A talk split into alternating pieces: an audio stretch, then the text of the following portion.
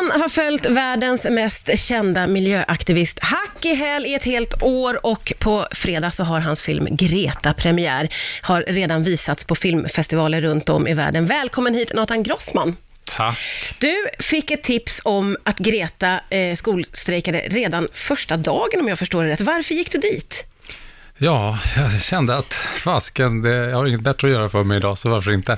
det var så? Eh, nej, Bara för att kolla in? Ja, men verkligen. Det, det, det, på, det är liksom eh, mitt jobb är ett eh, nötskal på något sätt. Att eh, måste prata med min chef. Ja, eh, vad ska liksom, är det värt att åka på det här eh, tipset? Och just den dagen så hade jag faktiskt kommit tillbaka. Jag hade varit och filmat en annan grej uppe i Umeå som var lite liknande som ett rek, liksom, där eh, gjorde en grej med polishögskolan där uppe och eh, var nyfikna på dem. Så hade jag kommit tillbaka och börjat gå igenom det materialet. Så jag kände mig ganska, att dagen var full av att göra det. Ja, ja, ja. Eh, Men sen pratade min chef och så konstaterade vi att, äh, men, eh, vad heter det, mm, det här är ändå intressant att liksom, eh, att följa upp och, och så. Jag har ju gjort eh, lite liksom, dokumentär och tv som relaterar till klimat och miljöfrågor tidigare, men det kanske inte direkt om det. Och kände liksom att, nej men, det är ändå något spännande med en ung person som, som liksom brinner väldigt mycket för den här frågan. Men när förstod du att det här var en film, så att säga?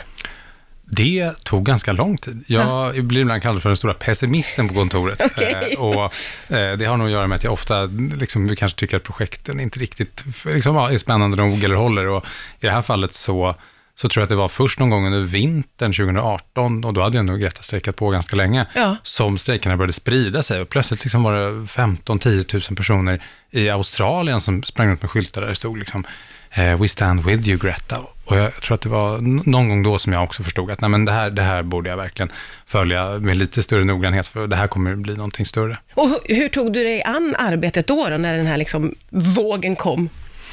Nej, men eh, det var ju väldigt mycket att eh, försöka att liksom hålla upp eh, intresset och försöka bena ut vilka av de sakerna som Greta skulle åka iväg på och som var relevanta och försöka liksom, det är ju väldigt svårt som dokumentärfilmare, man, man vet liksom aldrig vad historien är på väg. Så att det handlar någonstans om att hela tiden gå tillbaka till sin egen nyfikenhet, tror jag, ganska mycket, och känna i stunden, men vad, vad känns spännande och just nu? Typ, ja, men nu känns det som att jag, jag vill verkligen veta hur skulle det vara när hon besöker någon, någon av de här första världsledarna i filmen, är det president Macron. Och då kände jag att men du måste lägga krutet på att försöka ta mig in i det innersta rummet liksom, för att eh, få se hur det ser ut. Ja. Hur ställde sig Greta till då att du ville haka på? Nej, men hon var, var ganska lugn med det. det. Man måste ju påminna sig om att det här pågick under en ganska lång period, hennes, den här, liksom, vad ska man säga, rise to fame på något sätt. Och i början så var jag där lite sådär då och då och filmade och så att vi liksom lärde känna varandra. Och jag tror att det är en grej som, eh, där vi dokumentärfilmare har en, en, en ganska stor tur i förhållande till många andra som gör liksom innehåll, att vi har så mycket tid på oss. Så man kan någonstans lära känna en person och förstå lite hur den tänker och försöka förklara vad det är man själv vill berätta under en längre period, så att man inte dundrar in så snabbt i någons liv. Det är speciella tider att ha premiär i. Vi vet ju att biograferna i Sverige ska stänga igen. Hur blir det med din film? Precis, det stämmer bra. Vi satt i eh, lite sådana panikmöten här, men har ju ställt om, så det blir en digital premiär. Ah. Eh, för vi vill ju såklart att folk ska kunna se den här filmen inom hemmets trygga väggar. Så att redan på tisdag så kan man se filmen på SF Anytime eller på Triart Play. Så då kan man streama filmen. Ah, det går att lösa i alla så fall. det går att lösa, eh, så vi tycker ju att det är bra. Man kanske får dimma ner belysningen lite hemma Ja, och höja volymen, så känns det som bio. Får man biokänsla. Ja, och sen måste jag också bara tillägga att den kommer sen också på SVT lagom till jul. Ah, så att eh, ja, det- folk kommer att kunna se den. Ja. Du, eh, får jag fråga, när kände du själv under den här tiden som du följde Greta att du kom henne riktigt nära?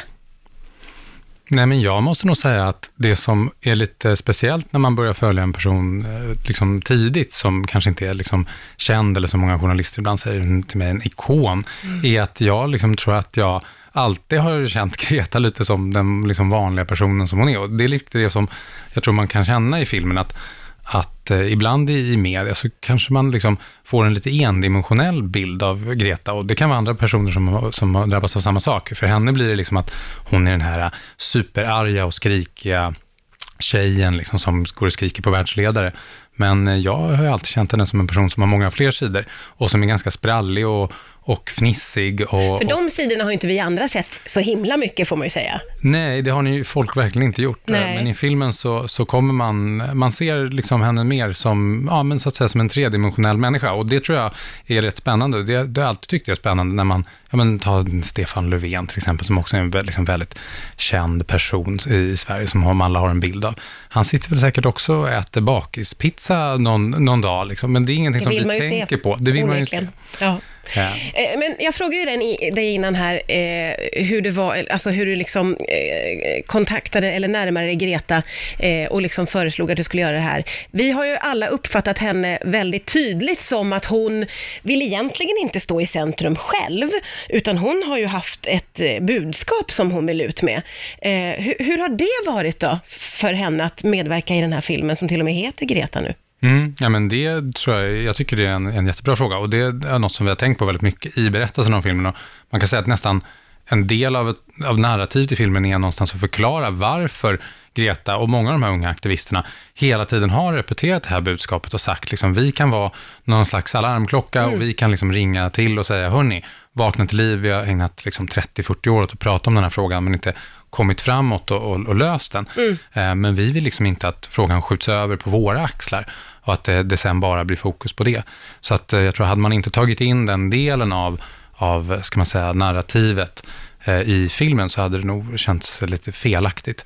Eh, men det är en väldigt stor del av att förstå hur hon, eh, ja, så att säga, hur det här året eh, som jag fick följa med henne på såg ut. Under det här året så bestämde sig Greta för att åka till USA och inte flyga. Och då fick du åka med på den här resan. Hur var det, Nathan? Ja, hur var det? Herregud. Det är svårt att beskriva i radio, tänker jag. Det är det som är så, så fascinerande och härligt med att eh, jobba med att göra film.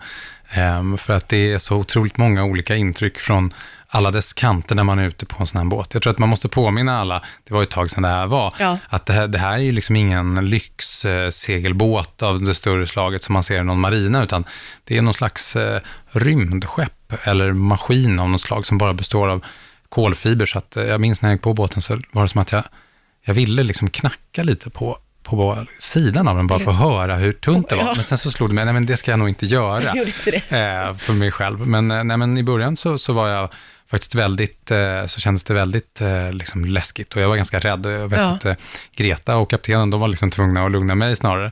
Jaså, Men ja, var Greta mer cool i den här situationen på båten? svar ja. Ja. Jag tyckte hon, vad heter det, tacklade det där betydligt mycket bättre än mig. Och det säger en del om, om eh, sådana här äventyr på något sätt. Att jag, jag skulle nog säga att jag och en av kaptenerna som faktiskt är, är han är min, en, en av tronarvingarna i monegaskiska kungahuset tror jag. Eh, Ah. Vi som har seglat jättemycket och är duktiga elitseglare, både jag och han tyckte att det var betydligt tuffare. Så vi satt och liksom lappade varandra med sådana här, eh, vad heter det, åksjukeplåster bakom öronen. Och det var en lång resa också, ni var ju ute länge.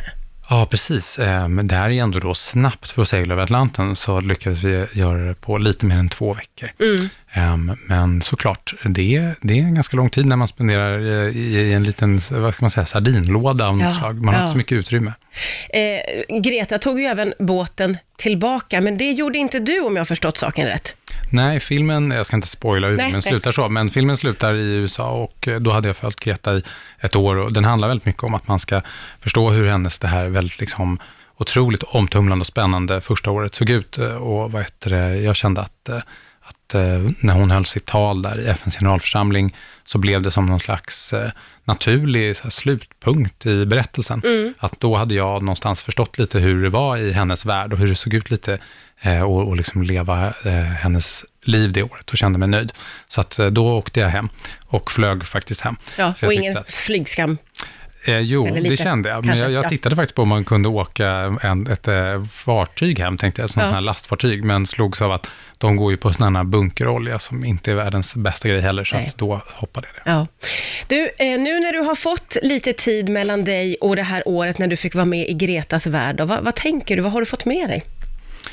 Ja, nej, men jag tänker att det är ju rätt fascinerande hur snabbt saker kan hända i vår liksom, nya digitala värld på något sätt. Eh, och hur en historia om, om Greta och hennes liksom, sätt att eh, koka ner den här väldigt stora och komplicerade klimatfrågan till, eh, till något som folk liksom, förstår väldigt tydligt, hur det kunde sprida sig över hela världen. och engagera så många unga människor på andra platser på jorden. Eh, jag kanske inte riktigt förstod i början att eh, liksom den där oron som hon hade och faktiskt många kanske i Sverige och Norden som är liksom lite mer pålästa om den här frågan, att det skulle vara detsamma i många andra länder och att det skulle bli jättestora strejker liksom från Indien till Australien mm. till USA. Eh, så att jag måste säga att jag är mäkta imponerad av många unga människor och deras engagemang och deras sätt att eh, vad jag, organisera sig på sociala medier och via appar. Filmen heter Greta, den har digital premiär på fredag. Tusen tack för att du kom hit idag, Nathan Jag rättade den har digital premiär på tisdag, på tisdag. nästa vecka. Ja, Precis. rätt ska vara rätt. Ja. Tack snälla. Tack.